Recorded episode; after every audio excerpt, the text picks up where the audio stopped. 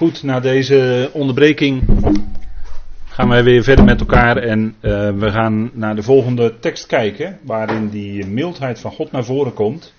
En dat is ook wel een bekende tekst, maar ook weer heel moeilijk. Althans, uh, moeilijk omdat het vaak anders wordt uh, bedacht wat de betekenis is van die tekst. Dat is Romeinen 11. We blijven nog heel even in Romeinen.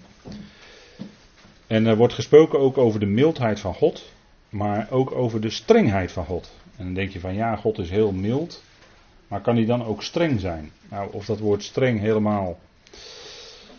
Uh, misschien heeft u daar wat gedachten bij. Ik denk dat dat ons probleem is. Maar uh, in Romeinen 11 gaat het over de olijfboom. Hè. U ziet op deze dia ook plaatjes van olijven en van de olijfboom. En Paulus gebruikt daar een bijzonder beeld in Romeinen 11 over die olijfboom. En vaak wordt het uitgelegd, ik ga het nu even heel kort tegen u zeggen. Vaak wordt het uitgelegd alsof uh, dat daar gaat over de gemeente, het lichaam van Christus, alsof die ingeënt is in Israël. Dat is niet zo, dat wordt hier niet bedoeld in deze tekst. Zo wordt het wel altijd uitgelegd, maar de betekenis is omdat het in Romeinen 9 tot en met 11 staat, gaat het over Israël en de volkeren. Dus het gaat niet over individueel ons als leden van het lichaam van Christus. Maar het gaat over Israël en de volkeren. En het beeld van de olijfboom, waarom gebruikt Paulus dat? Omdat olijfolie, hè, dan moeten die olijven die moeten gestoten worden, zoals het heet. En dan komt er olijfolie uit. De, de vettigheid wordt ook over gesproken. De vettigheid van de olijfboom. Nou, dus die olijfolie. En die zorgde onder meer voor verlichting. Die werden gebruikt in lampen om licht te geven. Dus dat werd dan, olijfolie werd dan gebruikt als uh, grondstof voor licht. Dan kwam er een, uh, zeg maar een, uh, een, een, een, pit in, om het zo maar te zeggen. Die werd aangestoken en dan had je licht. Dus het gaat hier om de olijfboom met de betekenis dat is eigenlijk de lichtdrager. Zorgt voor de olijfolie die dan weer voor licht zorgt. En wat is licht? Nou, Gods woord is licht. En Israël was bedoeld als volk om lichtdrager te zijn voor de natie. Staat in Jesaja 49, als ik het even uit mijn hoofd zeg. En wat zien wij dus in deze tijd? Want Paulus behandelt in Romeinen 9 tot en met 11 het punt dat Israël als volk, waarover hij een hartzeer had, want dat zijn zijn broeders, naar het vlees. Het punt dat hij zag dat het volk als volk verhardde. En daar, daarover gaat het in deze hoofdstuk. En hoe nu verder? Het volk als geheel verharde. Een rest, hij spreekt over een gelovige rest, hè, over een overblijfsel uit dat volk. Daar hoorde Paulus zelf ook bij. Maar als volk waren zij verhard en konden dus als zodanig niet langer lichtdrager zijn voor de andere volkeren. Zij hadden de woorden van God toevertrouwd gekregen. Hè? Wat is het voordeel van de Jood en wat is het nut van de besnijdenis? Romeinen 3. Allereerst dit, dat hun de woorden van God zijn toevertrouwd. En daarmee het licht. Maar die fakkel, hè, dat licht, dat ging nadat het volk verhard was geworden over naar de heidenen, naar de heidenvolkeren, naar de andere volkeren. En dat, dat, kennen wij als in de afgelopen 2000 jaar als de zogenaamde christelijke volkeren. Want die hadden in hun midden het woord van God toch. Hoewel in het Latijn. De kerk bewaarde dat in het Latijn, in de Vulgata, de Latijnse vertaling van de Bijbel. En die werd dan door de priesters uh, naar de leken toe uitgelegd. Alleen de priesters konden Latijn, de leken konden dat niet.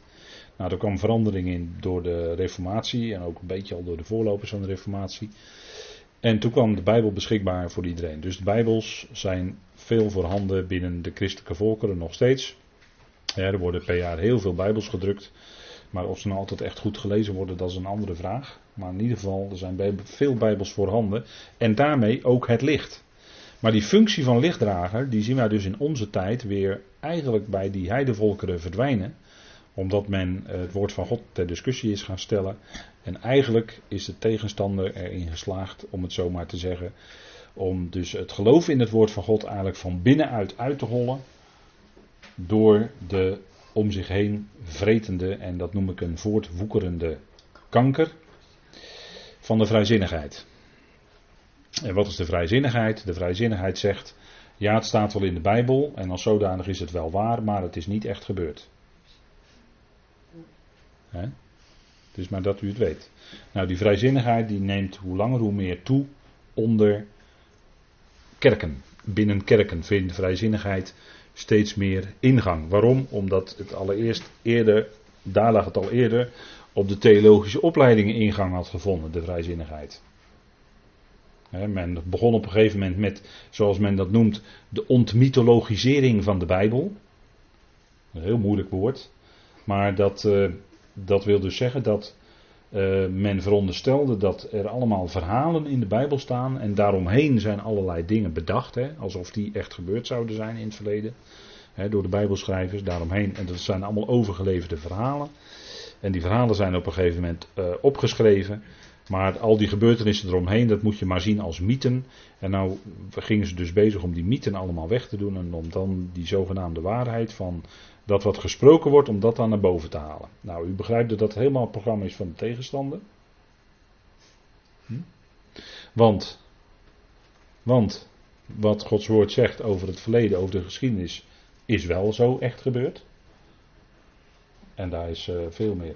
En voor Gods woord is ook veel meer documentatie beschikbaar dan voor andere geschriften. Maar Gods woord acht men dan niet betrouwbaar.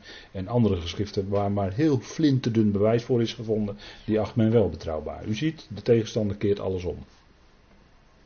Maar kijk, Gods woord is eigenlijk het enige verzameling boeken die echt volledig betrouwbaar schrijft over de geschiedenis. En alle andere boeken, ja, dat, daar zal inderdaad wel aangedikte dingen allemaal en zo in staan. Maar niet in de Bijbel. Dat zeggen huidige doktoren in de theologie wel in hun dissertaties. Maar goed, daar hebben we geen boodschap aan natuurlijk dan meer. Kijk, daar waar zij Gods woord ter discussie stellen, daar stellen zij eigenlijk, zetten zij eigenlijk zichzelf te kijk met de geest die in hun werkt. Dat zetten ze dan eigenlijk te kijken. Hè? Maar God zorgt er zelf wel voor dat zijn woord bewaard blijft. Hoe dan ook. God is daarvoor niet gebonden aan een plaatselijke gemeente of aan, aan wat dan ook. God zorgt zelf dat zijn woord, een woord van de waarheid, blijft klinken. Daar zorgt God zelf wel voor. En ook al zou er alleen maar op een gegeven moment een eenzaam iemand zijn zoals Paulus, die aan het eind van zijn leven redelijk eenzaam was, maar hij hield dat woord van de waarheid vast. En hij bleef het brengen. En zo zie je dat God er zelf voor zorgde. Maar hier gaat het om de functie van lichtdrager, Romeinen 11. En die functie van lichtdrager, die verdwijnt nu langzaam maar zeker van de volkeren. En ik heb u net verteld hoe dat dan gaat. Die verdwijnt als functie van lichtdrager, verdwijnt van de volkeren en die gaat dan weer terug naar zijn uitverkoren volk Israël. En zij zullen dan weer die lichtdrager zijn in de duizend jaar voor de andere volkeren. Daar zullen zij de andere volkeren mee onderwijzen, want de belofte is uit Jezaja 2 dat de Torah zal uitgaan vanuit Jeruzalem en het woord van de Heer uit Sion. Of andersom, Jeruzalem en Sion verwisselijk denk ik altijd met elkaar.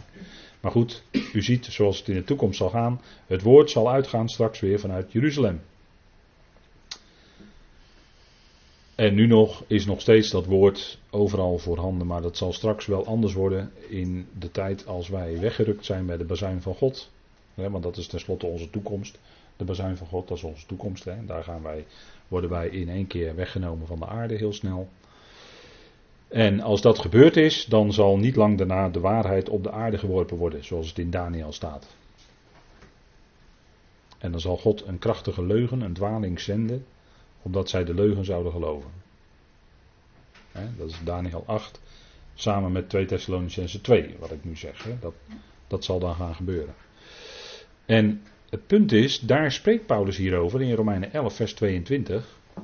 Over de mildheid en de strengheid van God. En wat is nou die strengheid van God? Over de gevallenen, dat zijn die uitgevallen takken. dat, is naam, dat heeft te maken met ongeloof. En dat ongeloof, waar ik het net over had, ook onder uh, mensen die dikke dissertaties schrijven, maar die geven daarin blijk van hun ongeloof, dat zijn de gevallenen over jullie echter mildheid, wanneer jullie ooit blijven bij die mildheid, anders zullen ook jullie uitgehouden worden, zegt hij tegen die volkeren. En dat zien wij in deze tijd dus gebeuren. dat is die volkeren, die dus dat, dat woord hadden, uitgehouden worden, want het ongeloof vreet om zich heen. En daar, daar heeft Paulus het hier over. Als je spreekt over de olijfboom, dat is de functie van lichtdrager zijn. En dat gaat van Israël naar de volkeren en van de volkeren weer terug naar Israël. Dat legt hij eigenlijk uit in dat beeld in Romeinen 11. Daar gaat het over. Dus hij vertelt hier niet dat de gemeente het lichaam van Christus eigenlijk ingeënt is in Israël. Dus dat wij eigenlijk deel moeten krijgen aan Israël en dus ook de feesten van Israël gaan vieren. Dat zegt hij allemaal niet.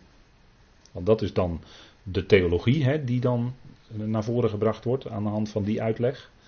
Maar hij heeft het hier over die olijfboom, die lichtdrager zijn. Hè, die, die gestoten olijven, wat trouwens een heel mooi beeld is hoor. Want uh, Gethsemane, dat, uh, hè, daar staan olijfbomen. Hè. Als u daar geweest bent in Israël, dan heeft u dat zelf kunnen zien. Hè, met eigen ogen heeft u daar doorheen kunnen lopen. En Gethsemane, dat betekent olijfpersbak. Daarin werden de, hè, daar, daar werden de, de olijven gestoten. Daarmee ging dus die vrucht werd opengebroken. Als een geweldig beeld van onze Messias, onze, onze Heer, de gezalfde, de Heer Jezus Christus, die zelf aan het kruis stierf. En daardoor door de dood heen leven en onverderfelijkheid aan het licht brengt. En dat, dat legt Paulus dan verder uit in het Evangelie. dat is een geweldig beeld. En de Heer was in Gethsemane. En daar bad hij, Vader, niet mijn wil, maar uw wil geschieden. En als mens was het heel even zo dat hij, Vader, indien u het wilt, laat deze beker aan mij voorbij gaan. Als mens zag hij enorm op tegen dat lijden. Maar hij schikte zich, hij onderschikte zich aan de Vader en zei: Vader, niet mijn wil, maar uw wil geschieden. En zo ging hij dwars door dat lijden heen, in geloof dat Vader hem ook weer zou opwekken uit de dood. Dat geloof, hè? het geloof van Jezus Christus. Dat is ook voor ons bepalend. Hè? Nou, en dat is eigenlijk, hè, en daar spreken die olijven van, die dan gestoten worden in zo'n olijfpersbak die spreken eigenlijk van uh, datgene wat de Heer later in Gethsemane en later aan het kruis zou ondergaan. Prachtig. In die zin een prachtig beeld. Maar goed, dat even terzijde. Het ging om het beeld van die mildheid en die strengheid van God. En de strengheid, het woord strengheid trouwens, is, uh, betekent eigenlijk van afsnijding. letterlijk is het van afsnijding. Dus als het gaat over takken die ingeënt en uitgehouden worden, is dat wel heel toepasselijk eigenlijk. Als je dus even teruggaat naar dat Griekse woord. Snijding, scherp. En het tegenovergestelde van mildheid is eigenlijk ook scherp, scherpte, scherpheid. Maar dan een scherpheid die anderen verwondt. En het tegenovergestelde, kijk, woorden van mensen die kunnen werken als messen. Die kunnen je innerlijk enorm diep verwonden maar dat is als het aan mildheid in je woorden ontbreekt. En daarom eh, is het voor ons altijd om goed te letten op wat je zegt. En dat je de waarheid ook in liefde brengt. Want je kunt die waarheid wel heel hard naar voren brengen. Maar soms vraag ik me dan af, als ik dat wel eens hoor, vraag ik me dan af, is dat dan de waarheid in liefde brengen? Maar goed, dat is het tegenovergestelde van scherp. En die mildheid, want dat is toch wel bijzonder, vind ik, als je dat een beetje zo naloopt in de Bijbel. Kijk, die mildheid die komt ook bij onze hemelse bediening zelfs naar voren. Onze hemelse bediening. En dat, dat is wat wij geloven, wat wij spreken, wat de bediening is, de bijzondere bediening van het lichaam van Christus in de toekomst. en uh, er zijn er die dat spottend noemen de theologie van Ebenezer. Maar dat komt omdat zij zelf een andere theologie hebben en het niet eens zijn met de schrift. Daardoor komt dat dat ze dat zeggen. maar opdat hij in de komende eonen tentoon zal spreiden de overstijgende rijkdom van zijn genade in zijn mildheid voor ons in Christus Jezus. Dus wat gaat God door die gemeente laten zien in de toekomst, in die komende eonen? zijn genade en zijn mildheid. dus zijn mildheid wordt straks ook aan die hemelingen getoond in onze komende hemelse bediening. dat is wat hier staat. De overstijgende rijkdom van zijn genade in zijn mildheid staat er dan voor ons in Christus Jezus. Dus dat milde van God, wat dan in en door dat lichaam van Christus zichtbaar wordt, dat zal ook aan die hemelingen een prediking zijn. Ik denk dat het toch heel bijzonder is als je daar eens over nadenkt. Dat is onze toekomst tenslotte, hè? komende eonen. Dat is niet niks, dat is een hele lange periode, een hele lange tijd. Hoewel wij dan niet zo meer aan tijd gebonden zijn natuurlijk, maar toch zijn hele lange periodes waarin wij in onze bediening zullen staan. En waar, waarin God door ons heen zijn mildheid zal laten zien, ook aan die hemelingen. Dus kennelijk weten die hemelingen niet voldoende over die mildheid van God. En moeten zij daarin nog onderwezen worden. Nou, dat zal God dan door ons heen doen. En dat zullen wij dan ook bij gelegenheid duidelijk mogen maken. Als wij, dat, als wij met die hemelingen te maken krijgen. Dat we aan die hemelingen dat ook duidelijk gaan maken. Daarom is het ook goed, denk ik, om die facetten van het evangelie te leren nu, zodat God ons dat straks ons kan gebruiken in die hemelse bedieningen. Daarvoor zijn we nu ook bezig natuurlijk, hè, met elkaar in zijn woord te studeren, opdat wij die gezonde woorden leren kennen en dat straks ook aan die hemelingen kunnen doordragen. Daar, dat, is natuurlijk ook een stukje voorbereiding, zo moet u dat ook zien. Hè? Het is niet alleen voor uw leven voor nu, hoe u met anderen omgaat, dat is ook heel erg belangrijk. Maar het is ook een voorbereiding op straks, in de komende eonen, waarin we dus aan die hemelingen deze dingen zullen mogen duidelijk maken. Dus ik denk dat het toch heel bijzonder is, hè, deze facetten. En dus ook die mildheid is een, is een bijzonder aspect, wat hier uitdrukkelijk wordt genoemd in Efeze 2, vers 7. Dat vond ik toch wel heel bijzonder. En, en wat is het geweldige, hè, als je die mildheid van God in je leven ervaren hebt. En, en dat is wat, wat we dan mogen doorgeven aan de anderen. Niet zozeer de, de, de, de hardheid en, en het veroordelende van God, hè, wat, wat dan helaas in veel kerken klinkt. Maar juist die mildheid van God, dat hebben wij zo mogen leren kennen in zijn genade. Nou, dat mogen we ook aan anderen doorgeven en met die anderen ook in genade omgaan. Kijk, 1 Korinthe 13 zegt, de liefde is mild. en een milde hand, mildheid, ik heb eens even gezocht in een woordenboek en dan kom je begrippen tegen als mildheid, zachtheid of generositeit. Hè? Dus dat je mild geeft. Goedgeefsheid hè? klinkt dan ook direct. Royaal zijn, hè? royaliteit. Niet dat beknibbelende wat we als Nederlanders zo vaak hebben. Hè? Als het maar gratis is. Maar royaal zijn naar de ander toe. Hè? Edelmoedigheid, gulheid. En dat is ons allemaal niet aangeboren, want meestal hè, zijn we erg, erg naar onszelf toe. Maar dit is juist wat het evangelie in ons uitwerkt. Hè? Wat Gods geest in ons uitwerkt. Dat we naar die ander toe mild kunnen zijn. Hè? De liefde is mild. En dan zegt u, ja, dat heb ik helemaal niet van mezelf. Klopt, maar daarvoor heeft u ook Gods geest ontvangen. Zodat het in u gaat veranderen.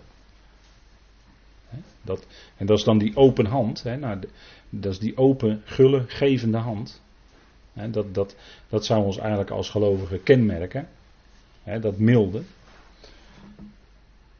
Dus de liefde is mild. Hè? Nou, mild zijn. Romeinen zegt ervan. Er is niemand, dat zegt even Paulus hè, in Romeinen 3, dat weet u, als hij vaststelt hoe het zit met de mensen. En uh, de mens wil daar vaak niet aan, hè, wat Paulus zegt, ook de gelovige mens niet. Maar in principe de mens op zichzelf, er is niemand die mildheid doet. Er is niemand die goed doet. Er is niemand die rechtvaardig is. Ook niet tot één toe, zegt hij dan. Nou, dat is nogal wat. En dat is ook voor veel christenen moeilijk te verteren hoor. Maar zo zit het wel met de mens. De mens op zichzelf, ja, dat is niet zoveel hoor. Als het daarom gaat. Hè. In het licht van God, hè. Als het licht, licht van God erop valt. Dan, dan komen er ineens allerlei dingen naar voren over die mens. Nou, onder andere dit. Er is niemand die mildheid doet. Die mensen, kijk maar eens als, als er weer gedemonstreerd wordt over 1% loonsverhoging, want het moet meer zijn. Het loon gaat omhoog, maar we gaan toch demonstreren met z'n allen in Den Haag op het Malieveld, omdat het loon 3 of 4% omhoog moet. Dat vinden wij dan. Nou, dat getuigt niet van mildheid hoor, als je daar staat. Nou, ik zeg het misschien even scherp nu, maar. Want we hebben het met z'n allen toch zo slecht. Stel je voor dat je niet een, eh, een 40 eh, centimeter breedbeeld platte televisie in je huis kan zetten. Stel je voor dat je dat niet kan, dat het maar 30 centimeter is.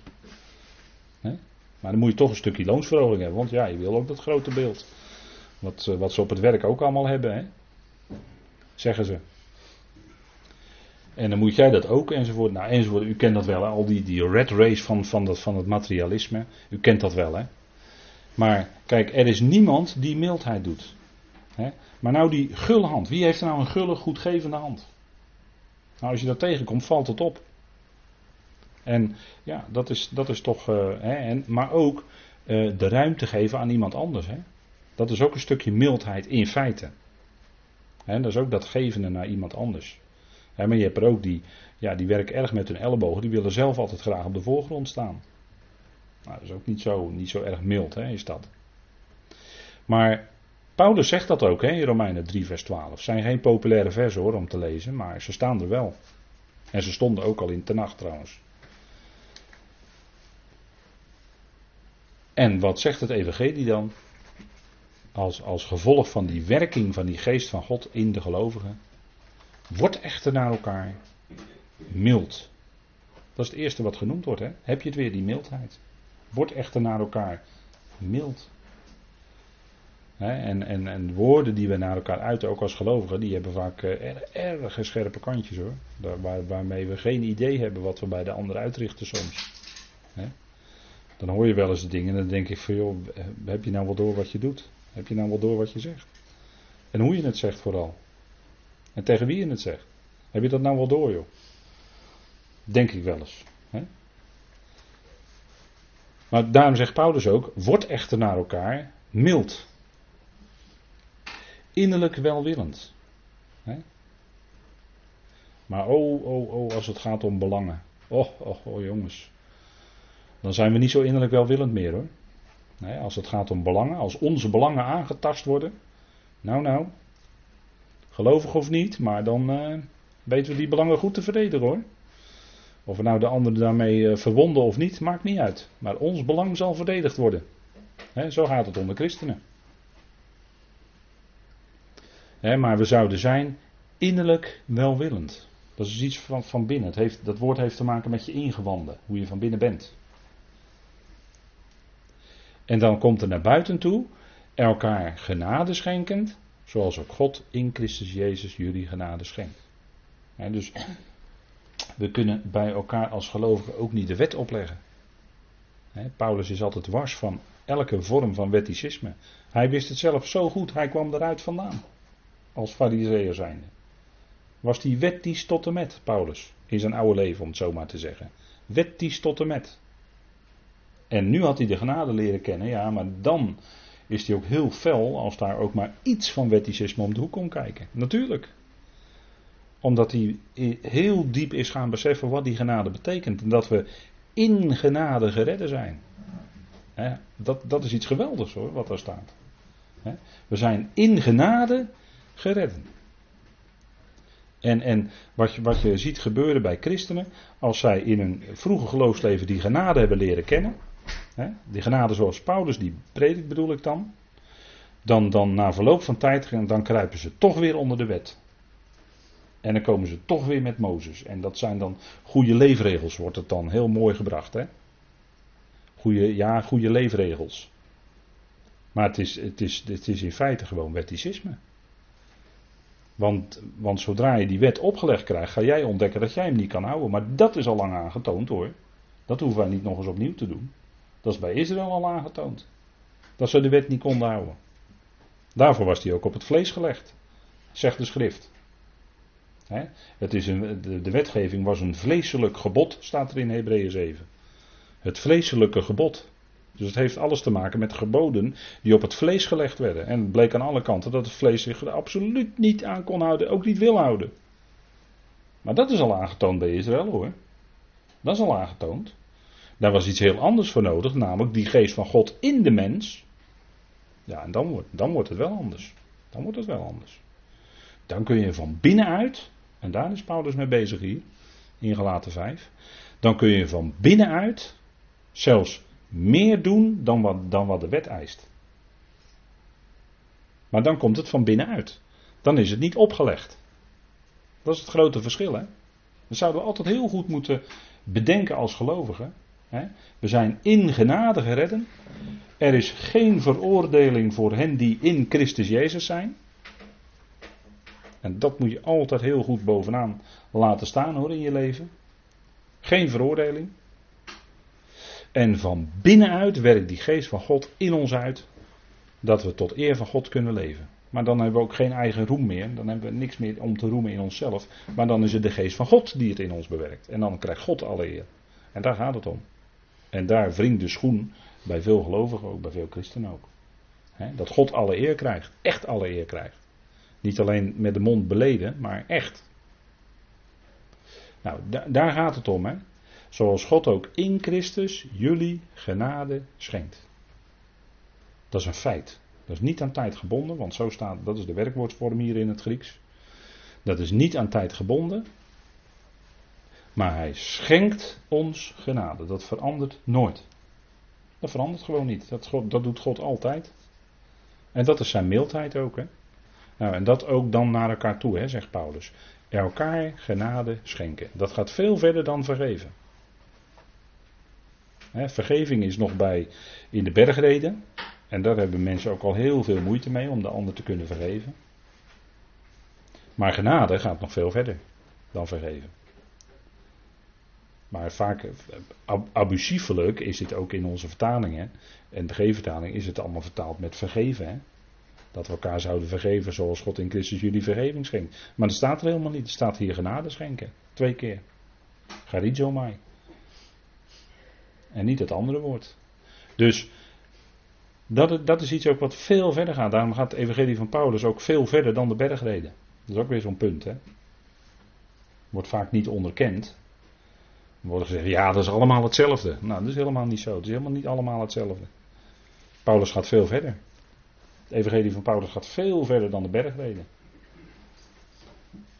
de genadeschenken gaat ook veel verder dan elkaar vergeven. Vergeven kan je nog op terugkomen namelijk. Genadeschenken niet meer, dan kan je er niet meer op terugkomen. Dan is het helemaal weg. Maar vergeving, kijk maar in Matthäus 18, kun je nog op terugkomen. En dat zegt de bergreden. Hè? Dat, je, dat je elkaar moet vergeven. Hè? Vergeeft elkaar de schulden zoals God. Hè? Dan zal God ook jouw schulden vergeven. Zo staat er. Hè? Maar er wordt er gesproken over vergeving. Maar dit gaat veel verder. En dan de bijna laatste. Dwaalt niet, zegt Paulus. 1 Korinthe 15 dwaalt niet. Kwade gesprekken verderven milde karakters. Daar wordt het woord mild ook weer gebruikt. Hè? In uw vertaling is het, eh, dat kunt u niet terugvinden in de vertaling, maar kwade gesprekken verderven milde karakters. Kijk, als je als gelovige onder elkaar praat, hoe praat je dan? Hè? En wat, wat zeg je dan? Ben je dan bezig met elkaar tot opbouwen? Of zijn het jouw woorden die afbreken? in 1 Korinthe 15 ging het dan natuurlijk over de opstanding. Dat onder die Corinthiërs werd gezegd dat er geen opstanding van doden is. Dat, dat was het kwaad wat daar gesproken werd. dat is het kwade in deze context. Maar je kan het breder trekken. Al wat afbrekend is ten opzichte van het evangelie. en met elkaar daarover op die manier spreken, is, zijn kwade gesprekken. Want die verderven milde karakters, juist degene die ontvankelijk zijn voor het woord, degene die echt geloven zijn en blij zijn met het evangelie, die worden, daar komt dan dat stukje bederf in. Dat er allerlei dingen gezegd worden. verderven, dat woord wordt hier gebruikt. Heel sterk woord. Dus in onze gesprekken zouden we opletten en die ander juist opbouwen. Zijn de woorden die wij spreken echt tot opbouw? Indien er een goed woord is tot opbouw, zegt Paulus ook in Efeze 4. Hè? Indien er een goed woord is tot opbouw, spreek het. En geen, geen insinuaties. Paulus gebruikt een heel vervelend woord. Althans, eh, voor iets heel vervelends. Een aanduiding van iets heel vervelends. Dat is namelijk insinueren. Insinuaties doen. Maar hij zegt in tegendeel. Indien je een goed woord hebt tot opbouw, spreek het. Opdat het genade geeft aan hen die horen. Zijn onze woorden nou zo dat wij dat ze genade geven aan hen die dat horen? Ik denk dat dat, dat heel praktisch is hoor, wat Paulus hier zegt. Heel praktisch zelfs.